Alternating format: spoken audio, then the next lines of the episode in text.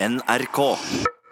En særdeles skummel TV-serie er tilbake på Netflix, Marte. Ja, Mindhunter sesong to er ubehagelig god. Eh, Men du, Birger, du har vært på filmfestival? Det er riktig. Den norske filmfestivalen i Haugesund er til veis ende, og jeg skal fortelle om noen av de mest interessante filmene som har blitt vist der den siste uka.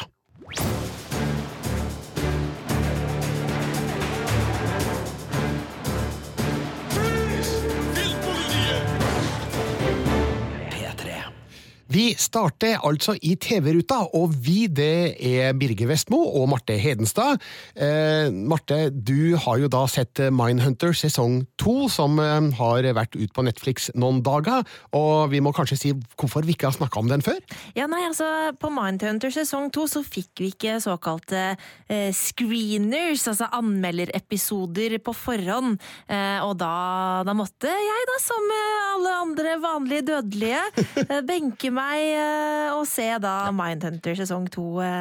Ja, Her er det kanskje om å gjøre at eh, ingenting skal spoiles, eh, Ja. muligens. Eh, Når vi nå skal snakke om Mindhunter sesong to, blir det spoiling, eller skal du la være? Jeg tenkte jeg skulle prøve å la være å spoile, selv om veldig mye av det som skjer i serien er jo basert på virkelige hendelser, sånn at det har jo skjedd. Kan man spoile virkeligheten, er jo selvfølgelig et tema, men jeg kan jo, kan jo la det være, sånn, sånn at de som ikke har sett serien får, får bli i spenningen. La oss gjøre et forsøk. This is $100,000, and it's all yours if you help us identify the persons behind the murders of our children in Atlanta. Another child reported missing in Atlanta. Sending you both. I want you there for the duration. So all these children, one killer. I believe that to be the case. It's statistically rare for serial killers to cross racial lines. It's also statistically significant that the Klan kills black people. This is one predator. What if you're wrong? I'm not. You arrogant, self-serving twerp. We can't have tunnel vision, Holden. What evidence is there to suspect the Klan? Son, we've got 19 dead black children. You telling me that's a coincidence? En lydkollasj fra Mindhunter sesong to, og jeg husker jo den første sesongen som en skikkelig skummel, ubehagelig, ekkel serie, og det helt uten noen som helst form for blod og gørr og um, drap. Ja, og det er det som gjør den så himla ubehagelig egentlig også, at den tvinger oss til å på en måte bare sitte der eh, og stirre eh, mordere i øya mens de på en måte får lov til å folde ut og forklare om hva de har gjort og hvorfor de har gjort det, og hva de liker så godt med å drepe og voldta osv. osv. Det er skikkelig jævlig noen ganger, mm. men det er også helt utrolig fascinerende. Hvor er vi i eh, handlingsforløpet når vi kommer inn i sesong to nå? Ja, altså, Hvis dere husker på, da, på slutten av eh, sesong én, så får eh, agent Holden et eh, rett og slett eh, angstanfall når han besøker da Ed Kemper, seriemorderen, på sykehus. Eh, og det handler litt om at han begynner å få litt sånn angst for sin egen fascinasjon for eh, denne seriemorderen. Eh, og det er der vi begynner. Eh, Holden er på psykiatrisk avdeling og, og sliter da med å komme seg etter det som har skjedd. Men han blir slipper ganske kjapt ut, og skal forsøke da å kaste seg inn igjen i, i denne seriemorderatferdspsykoanalysen som han og Bill Tench driver på med. Og så slipper egentlig Mindhunter sesong to den delen av fortellinga ganske kjapt.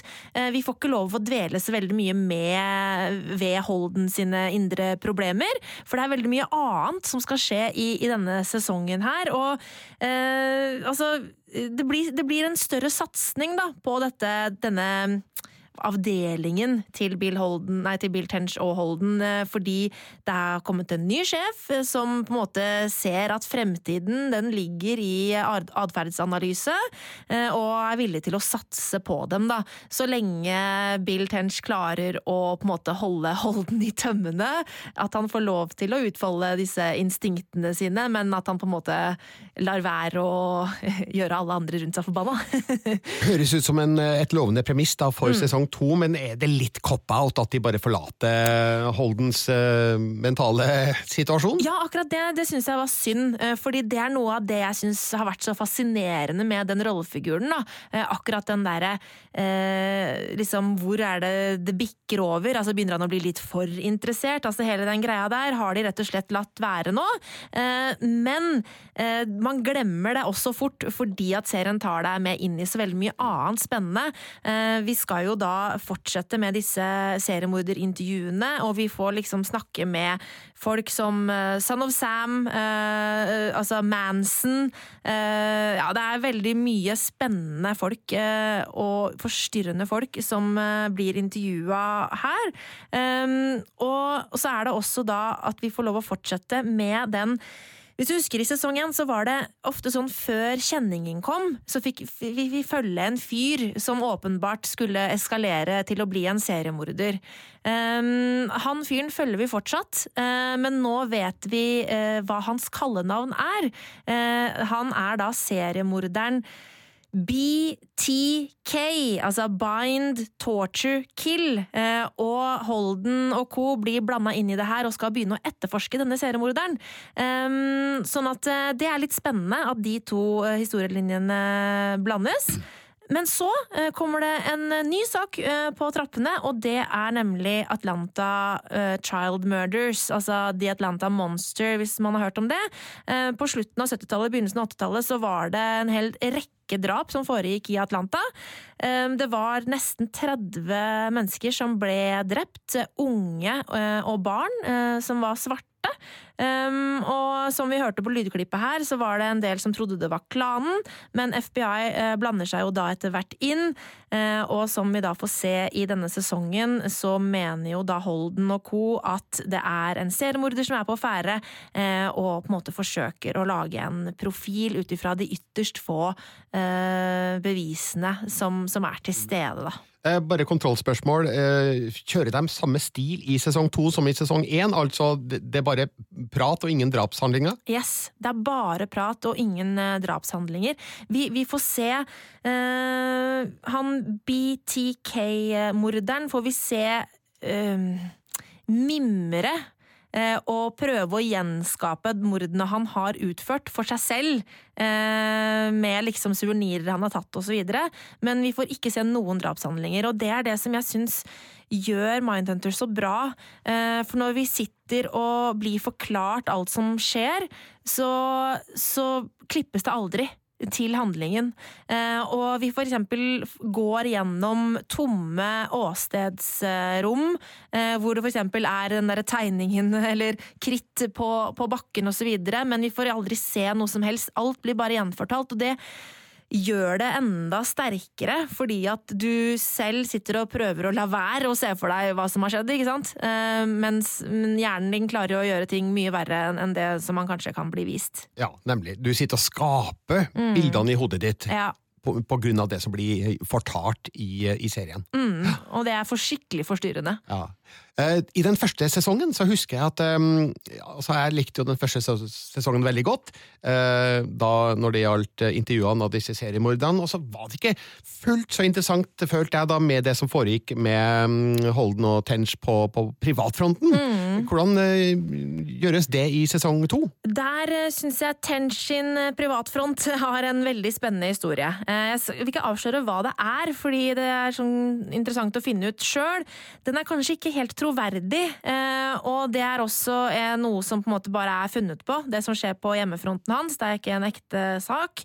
Men eh, han sliter og har svære problemer, noe han også drar med seg inn i arbeidet sitt, og hvordan han ser på de fæle menneskene som han må jobbe med og det skaper en del gnisninger mellom han og Holden, så det er ganske interessant. Det som jeg syns er synd, er at eh, Anna Torv, eh, som jo spiller denne doktoren Wendy, som er eh, forskeren her, hun blir forsøkt gitt en personlig historie som ikke helt funker så veldig. Det er veldig tydelig at det er rett og slett bare gjort for å prøve å gi henne litt mer å spille på, liksom. Og hun er jo en veldig god skuespiller som jeg egentlig liker veldig, veldig godt, men den delen blir litt sånn kjedelig. Mm. Så, så jeg liker best når vi, når vi er i disse intervjurommene. Det er da magien skjer. Um, og så, så syns jeg òg at det er interessant at sesong to får litt mer fokus på um, at denne profilingen som de jo driver og utvikler, ikke er ufeilbarlig. Eh, og at eh, man kan få tunnelsyn, eh, og så videre og. Og det som er veldig spennende med den Atlanta-monstersaken, er at eh, til den dag i dag så er det en del kontroverser knytta til den. Personen som til slutt ble tatt, hevder fortsatt sin uskyld. Eh, og det er masse interessante sånn konspirasjonsteorier og masse greier rundt der. Jeg, jeg har hørt en, en veldig spennende podkast som heter Atlanta Monster. Ja. Som har en hel haug med episoder som går inn på deg, som, jeg- som jeg nå har hørt på igjen etter å ha sett uh, serien. Eh, Skikkelig spennende saker, altså. Uh, og, og serien belyser, liksom, er, belyser litt av alle tingene som, som på en måte er spennende der, da. Så det er veldig fascinerende.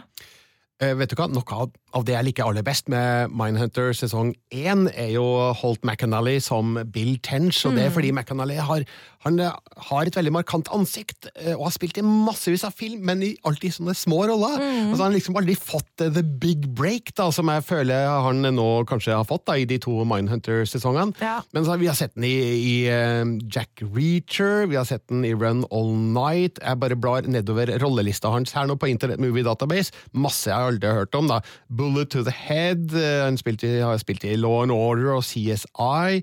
Eh, jeg tror kanskje ikke jeg gidder å bla mer, da, men han har eh, et veldig interessant uttrykk, eh, føler jeg, som kommer til sin rett da, i Mindhunter. Um, hvordan fungerer han i sesong to i forhold til sesong én? enda bedre, nettopp fordi at de problemene han har på hjemmebane, gir, gir han mer å spille på også. Eh, Han, han, har jo, han er jo den litt sånn derre tause, sterke typen i sesong én. Ja. Mens nå så får vi også se den sårbare siden av han, da. Eh, Sånn at han uh, Mac, å, det er så vanskelig navn. McCallany uh, han får mye mer å spille på, og um, det er ja, han, han er skikkelig god. Det er spesielt noen scener som rett og slett er i samtale, hvor kamera fokuserer nesten bare på han. Hvor han da må bære scenen hele gjennom. For eksempel, det er, en, det er et intervju med et vitne. Eh, Som har sluppet unna en seriemorder, eh, hvor vitnet ikke ønsker å bli sett på eh, fordi han har blitt ødelagt i fjeset. Og da ser heller ikke kamera på vitnet, og vi fokuserer da isteden på Tench. Og det er bare Det er så godt utført, og det er da David Fincher som har regi på denne episoden. Det er episode to. Um, og ja, det er rett og slett kunst, altså. Og han holder den scenen hele veien gjennom. Du vet du ser en kvalitetsserie når David Fincher har regien. Ja, han har regi på de tre første episodene. Du, jeg, vet du hva, jeg sa navnet på Holt uh, McCallany feil. Jeg sa McAnally, men han heter jo Holt McCallany. Ja, det er veldig vanskelig Det blir lønnstrekk på Birger Vestmo i dag. Uh, du vet du hva, dette høres eh, veldig lovende ut for uh, de neste eh, dagene, for min del. Eh, det er åpenbart at Mindhunter sesong to må sees. Tror du Netflix har en ny hitsesong her? Ja, det tror jeg virkelig. Eh, Og jeg gleder meg også Jeg håper at Altså, Den her kommer til å gjøre det kjempebra denne sesongen, jeg er sikker på. Og så bare håper jeg at de fortsetter å lage flere sesonger, fordi jeg elsker å være i det universet her. Terningkast. Fem! Oh. Mindhunter sesong to er herved sterkt anbefalt fra Marte Hedenstad.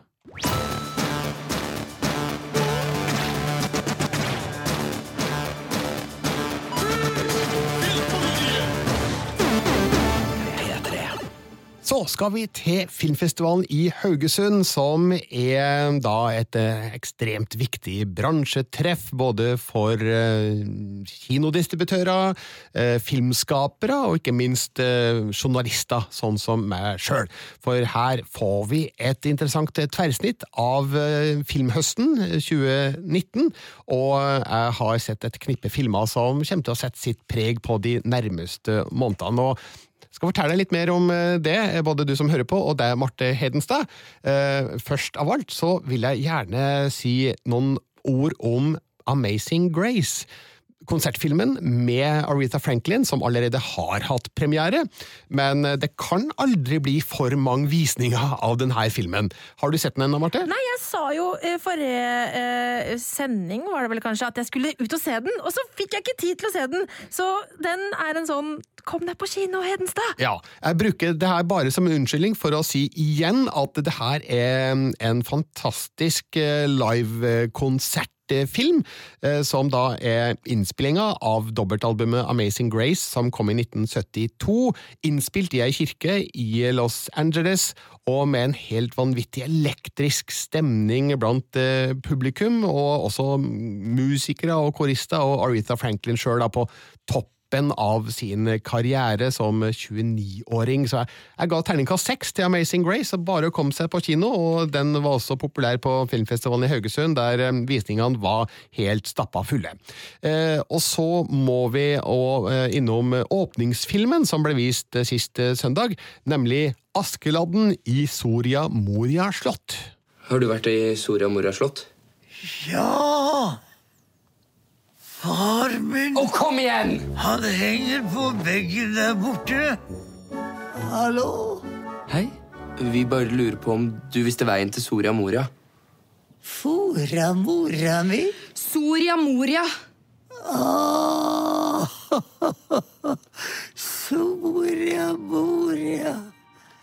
Ja, Det er vanlig at uh, åpningsfilmen i Haugesund er en stor norsk høstfilm. altså Skjelvet og Bølgen har jo vært uh, åpningsfilmer de siste åra, og nå altså Askeladden i Soria Moria slott. Uh, sånn umiddelbart så kunne det kanskje virke som et litt merkelig valg som åpningsfilm, men den første ble sett av 354 000 på kino. Mm -hmm. Det er altså da en uh, potensielt storfilm nå i høst, og den har jo premiere nå denne uka. Og uh, den var bedre enn den første. Så du den, Marte? Ja, for jeg var vel jeg som anmeldte den, tror jeg. ja, det var det. Jeg var ikke sånn veldig begeistra over den, uh, fordi den, den, var litt tynn. og jeg syns at prinsessa hadde litt lite fåre i ja. den filmen. Så det var litt sånn litt lite magi, kanskje? Men eh, de etablerte jo figurene og miljøet ganske fint, og nå er også historien mer på stell. Blant annet, som du nevner, prinsesse Kristin, spilt av Ailey Harbo, var litt passiv i den første filmen, fordi hun var jo stort sett fanga av Dovregubben. Ja. Men nå er hun virkelig med da i jakten på Soria Moria slott, sammen med Espen Askeladd, spilt av Vebjørn Enger. Uh, utgangspunktet for historien er nemlig at uh, kongen og dronninga er forgifta, og det eneste som kan redde dem, er dråper fra livets vann som skjuler seg i Soria Moria slott. Og det livets vann kommer fra en magisk isbre, du! Tenk det. Men eh, det er en, eh, en, en, morsom historie der eh, de underveis eh, kommer i kontakt med flere kjente ting fra Asbjørnsen og Moes eh, folkeeventyr. Altså Fossegrimen og Draugen, og um, de finner noen sjumilsstøvler og kommer i kontakt med den syvende far i huset, som vi hørte klipp av her uh, nå i sted. Uh, så jeg syns at det har blitt en, uh, en god underholdningsfilm, der igjen figurer og miljø er fantastisk godt skildra. Det, det ser ut som en stor og dyr film på mange områder, det her. Og i tillegg så syns jeg de greier da å bruke disse kjente elementene fra norske folkeeventyr på en fin måte. Så jeg har gitt terningkast fire til Askeladden i Soria Moria slott, som eh, virka å være en populær åpningsfilm da i Haugesund. Eh, og så når det gjelder rest resten av programmet, så det er jo et hav av filmer på en sånn filmfestival, som på alle festivaler, og man rekker jo ikke overalt. Så det er massevis av titler som jeg hadde kjempelyst til å se, men som jeg ikke fikk muligheten til å få med meg. Men jeg så Camorraens barn, en italiensk eh, film i regi av Claudio Giavan Giovanessi. Eh, den eh, skal få norgespremiere i november, 8. november, og det handler da om eh, Nicola og hans kamerater i Napoli, som begynner å lefle med mafiaaktiviteter og bygger seg da stadig mer opp, eller eventuelt graver seg stadig lenger ned i eh, mafioso-verdenen, og eh, vi får nå se da åssen det går. Det vil si, jeg vet åssen det går, for jeg har sett filmen, men den heter altså da Camorrains barn og kommer 8. november. Eh, jeg går eh, alfabetisk til verks her, om du ikke har skjønt det allerede. Jo, jo, jo. Men eh, neste film eh, på lista som jeg så i Haugesund, har jo også premiere denne uka, og den heter The Dead Don't Die. Excuse me, we're closed.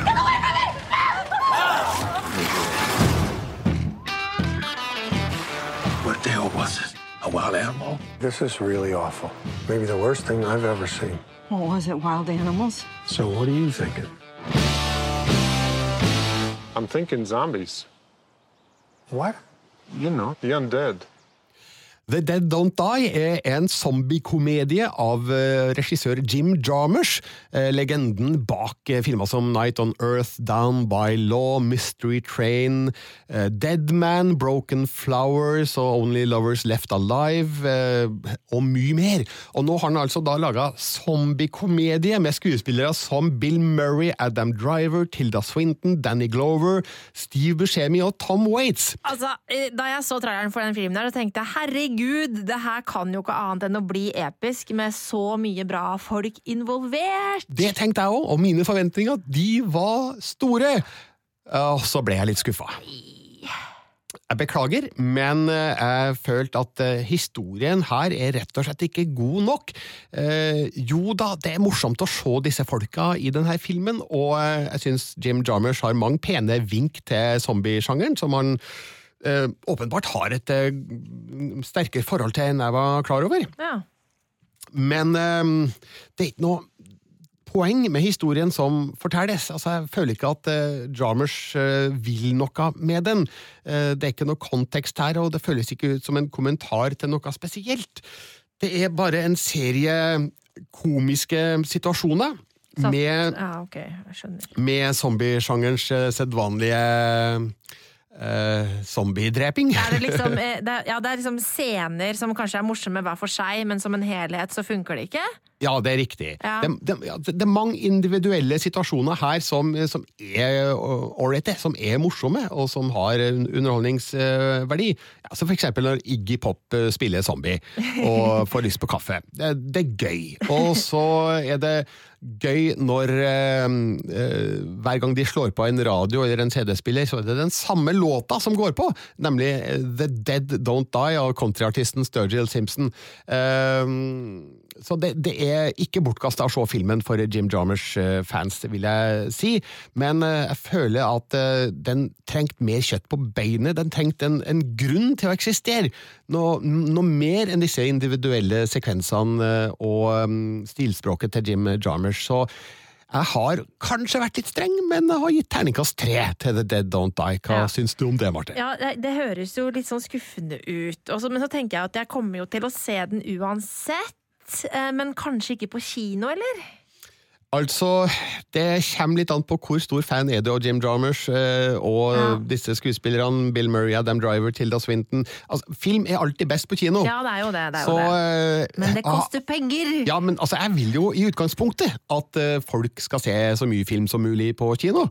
Så, men jeg kan jo heller ikke si at eh, filmen er anbefalt med terningkast tre.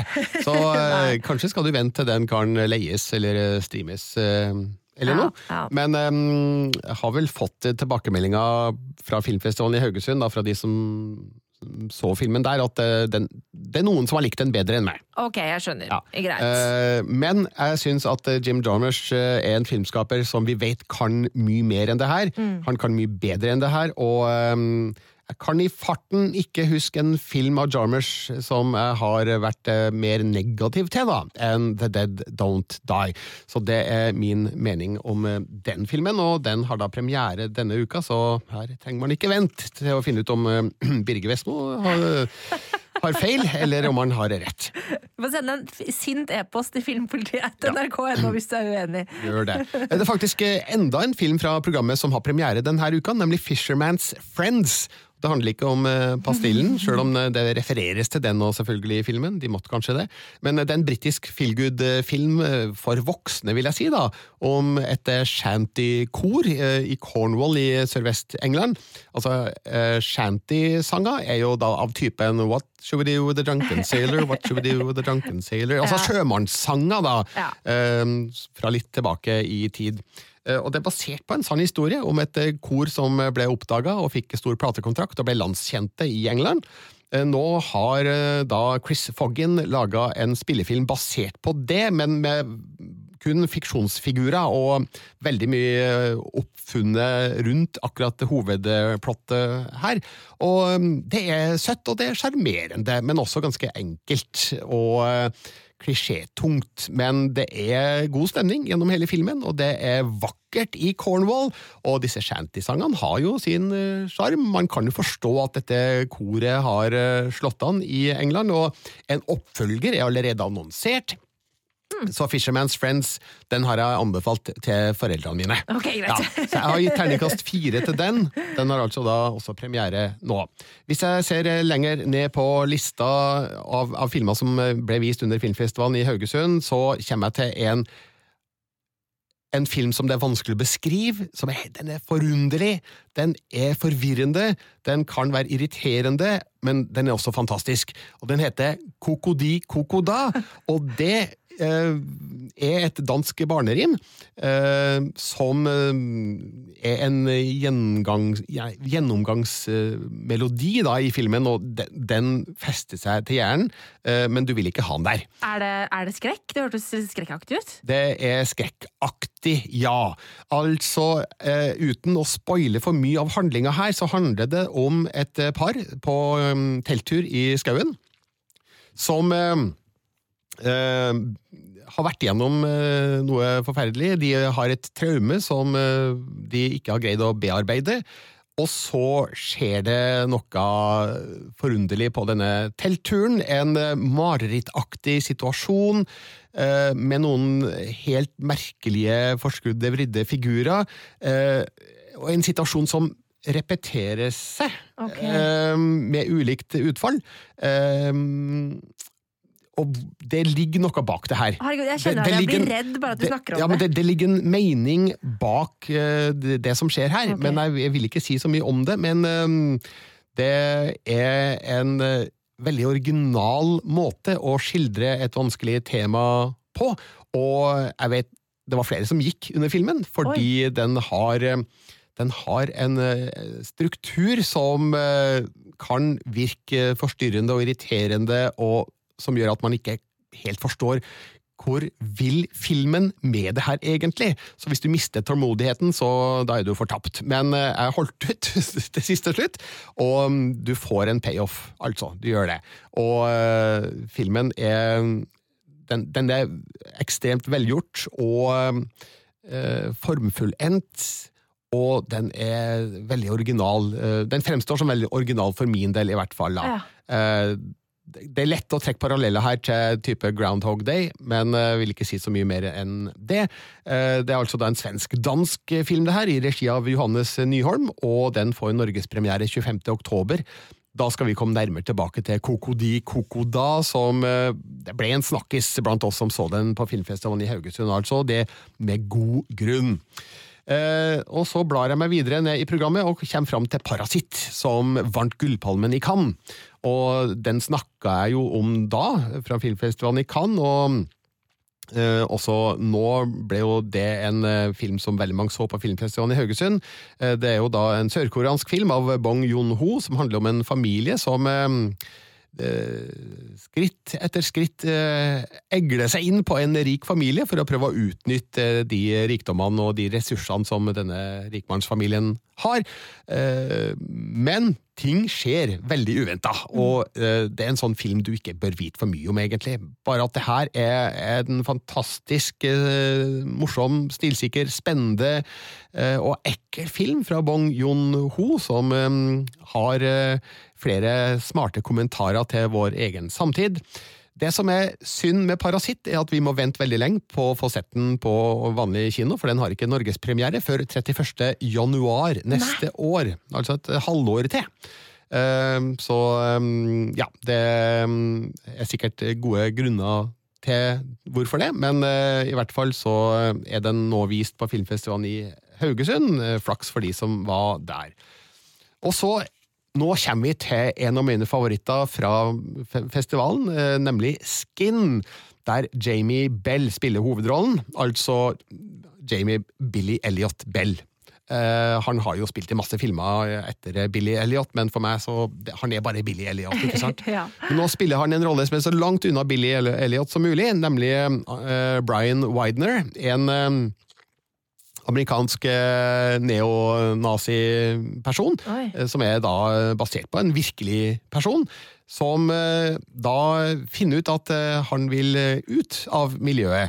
Det skal bli lettere sagt enn gjort, og filmen formidler da uh, hans kamp for å frigjøre seg fra sin uh, nye nynazistiske gruppe. Uh, hvordan de har lange fangarmer som prøver å få han inn igjen, og hvordan de går etter hans nye kjæreste og hennes tre barn, som han ser på som en mulighet for å etablere et normalt liv. Det at filmen heter Skin er en pekepinn her, fordi hele kroppen hans, inkludert ansiktet, er stappa full av uh, tatoveringer uh, med nazitematikk. Og hvordan skal man greie å bli et normalt menneske når du har nazisymbolene tatovert i ansiktet ditt? Svaret på det får du 22. november, for da har Skin norgespremiere. Fabelaktig sterk og god film i regi av Guy Native, som jeg aldri har hørt om før, men som har gjort en veldig, veldig god film. Tysk film, har du noe kjennskap til det? ja. Du, du, du, så du Tony Erdmann? Uh, ja, ja, ja. Ja. Mm. ja. Det var vel kanskje den siste tyske filmen som gikk på norske kinoer av uh, uh, ja, av de store, i hvert fall. Ja. Mm. Men Systemsprenger kan kanskje nå ut til et stort publikum også. Den har premiere 1. november og handler om ei ni år gammel jente som heter Benny. Eller hun heter egentlig Bernadette, men hun forkorter det som Benny. Hun er da et såkalt problembarn som har en så utagerende aggressiv framferd at, at, barnevernet greier ikke å få hun plassert noe sted. Ja, ingen hun, vil ha Ingen vil ha Hun blir stadig sendt tilbake i systemet, og um, her ser vi hvordan en um, en ansatt prøver å ta hun under sin vinge og forsøke å gjøre ting med hun som fungerer når alt annet viser seg å ikke fungere. Så det er et sterkt drama med en utrolig rolle av hun som spiller Benny. Jeg husker dessverre ikke i farta navnet på hun, men en utrolig fin rolle, og det er en film som skildrer hennes utagering på en veldig aggressiv og energisk måte, så man blir litt sliten av å oppleve Benny i det hjørnet. Uh, og det beskriver jo godt hvordan hun blir opplevd av, de, av det apparatet hun har rundt seg, samtidig som hun også er veldig sjarmerende, og man får et hjerte for Benny, og man forstår jo hvorfor folk i systemet på en måte blir betatt av Benny, og får sin profesjonelle avstand satt på prøve. Så det her er en veldig fin film som får norgespremiere 1. november. Og så er du sikkert veldig misunnelig på meg, Marte, fordi jeg har sett Toy Story 4. Ja, det har du, ass. Ja. Hvor lenge må jeg vente på det? da? Ja, Den kommer 6. september, ja. så det, det er noen få uker igjen. Ja. Men den åpna da sideprogrammet Cinemagi i Haugesund, som da er barnefilmprogrammet deres, og det var utrolig deilig å sette seg ned og få et gjensyn med Woody og Buzz Lightyear og alle de andre lekene. Trodde jo egentlig at Toy Story 3 var liksom et, eh, satt en sluttstrek. Ja, jeg trodde jeg også. Men nei da, det, det kommer en historie til, og jeg har jo full forståelse for det, fordi disse figurene og det universet her, det er så bra at for meg må de bare lage flere og flere og flere historier eh, fra Toy Story-universet. Det, det, er så morsomt og velgjort og godt fortalt, og det forteller oss så mye om å være menneske, fortalt gjennom disse lekefigurene, mm. at uh, her er det mye mer å hente. Uh, nå eies lekene av Bonnie, som kanskje ikke er så interessert i Woody og Buss, sånn som deres forrige eier Andy var. Men Bonnie lager seg en egen lekefigur av en sånn plastskeigaffel, eller sjaffel, som, er, som det blir kalt i filmen. Jeg vet ikke om det kalles det i virkeligheten. Ja, mulig. Men hun lager seg en lekefigur som får navnet Gaffen, eh, som blir hennes nye favoritt. Eh, Under en bobiltur så uh, forsvinner Gaffen, fordi Gaffen er jo laga av søppel og ser på seg sjøl som søppel og ikke en leke, og vil jo egentlig bare eh, bli kasta. Så eh, Gaffen hopper ut av bobilvinduet og forsvinner. Woody eh, skjønner jo at Gaffen er veldig viktig for Bonnie, og føler jo et veldig ansvar, så han hopper ut og legger ut på et redningsoppdrag for å få Gaffen tilbake. Um, og så vet jeg ikke om jeg skal si så mye mer, egentlig, men det handler jo, som i flere av de andre Toy Story-filmene, om um, kjærlighet, tilhørighet, uh, veivalg man tar i livet. Uh, og det er en film som både har veldig morsomme actionscener, og den har noen emosjonelle sekvenser som kan få frem tårer i øyekroken. Eh, så det her er nok en suksess fra Pixar, som er blant de beste historiefortellerne vi har. Og ja da, de er jo kommersie, og de har sikkert tenkt å selge en hel haug med merchandise her nå. Eller de har sikkert allerede gjort det. sånne gafler. Ja, for Toy Story 4 hadde jo premiere på forsommeren i USA, men um, den norske distributøren eh, har valgt å vente til 6. september, og det er, jeg, jeg spurte om det i Haugesund, for jeg hadde møtt noen fra Disney Norge der da, og det er rett og slett en markedsvurdering, okay. fordi eh, de har erfaring med det her fra før, at eh, forsommeren er en dårlig tid for å slippe storfilmer i Norge. Eh, de tjener mer penger hvis de venter litt til skolestart. Er det sant? Jeg trodde at det hadde noe med eh, at å ja, men den må dubbes, og så derfor tar det lengre tid når den skal på norsk og sånn, men det er rett og slett de holder den tilbake med vilje! Ja, det er ikke dubbinga, i hvert fall. Det er, det er altså markedshensyn. Og, Ja, ok. Ja, altså, ja, du kan jo la deg irritere over eh, det. Vi er jo ganske godt vant til at filmer har premiere samtidig Ja, det det i Norge blitt. som i, i eh, USA og resten av verden. Men så er det da noen tilfeller der man gjør markedsvurderinger Mm. som tilsier at eh, det er smartere å vente litt, og det her er da et av de tilfellene. Så får vi se åssen det går da med Toy Story 4, men det er jo én av fire Disney-filmer som har passert én milliard dollar i inntjening på verdensbasis eh, i år. Så det er jo ingen grunn til å tro at det ikke blir en mindre suksess da i Norge. Sjøl om den har premiere litt seint, da, skal vi si det. Ja, men da er vi ekstra sultne på å få sett den, sikkert. Ja, så uh, Terningkast fem har jeg gitt til Toy Story 4 fra filmfestivalen i Haugesund. Og så eh, kunne jeg nok ha nevnt et par filmer, par, tre, fire, fem filmer til, men eh, jeg tror kanskje at det begynner å nærme seg bra. Eh, I hvert fall så eh, har det vært gøy å være på filmfestivalen i Haugesund, som er et viktig knutepunkt for filmbransje og journalister, og som jeg sa innledningsvis, man får et godt tverrsnitt av hva som venter oss da den kommende kinohøsten. Og det var også første gangen Amanda-prisutdelinga ble ikke ble sendt på TV, Mm. men den ble sendt på VG+.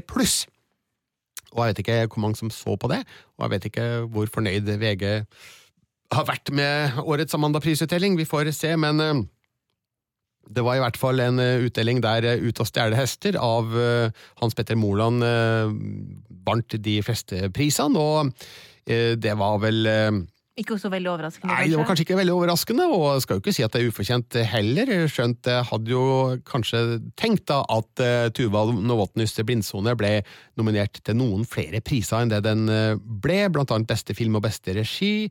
Det ble den ikke, men den ble heldigvis nominert for beste kvinnelige skuespiller, der Pia Tjelta vant en, en 100 fortjent pris.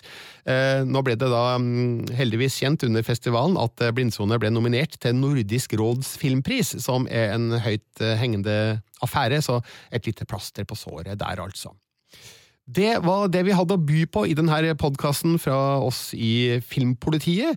Eh, Vi er tilbake om en uke, selvfølgelig, og da er det et par store serier på gang, Marte? Ja, altså Amazon Prime har jo premiere på en av sine nye eventyrserier, nemlig Carnival Row. Og så er det jo da denne eh, skrekkfilmserien eh, som kommer på Netflix. Eh, eh, altså prequelen til Dark Crystal-filmen. Mhm. Eh, den er jeg utrolig spent på. Det er det flere som er, og på kinofronten så er det premiere på eh, Jannicke Systad Jacobsens nye film Hjelperytteren, med Silje Salomonsen som eh, dopingmistenkt toppsyklist. Og så kommer Gerard Butler tilbake i den eh, tredje Olympus Has Fallen-filmen, som da heter Angel Has Fallen. Og så skal jeg på filmfestivalen i Venezia, og kommer med rapport derifra.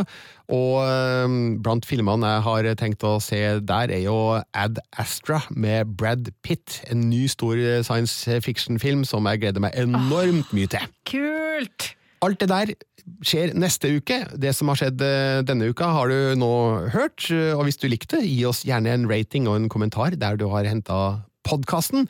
Send oss e-post på filmpolitiet etter punktum nrk.no hvis du lurer på noe eller har en kommentar til noe. Og så kan vi også nås på sosiale medier. Oh yes, Du finner oss på Instagram, NRK Filmpolitiet heter vi der, og Twitter. Bare søk etter Filmpolitiet, så er det bare å ta kontakt. I studio i dag, Birger Vestmo, Og Marte Hedenstad. og vi sier tusen takk for i dag.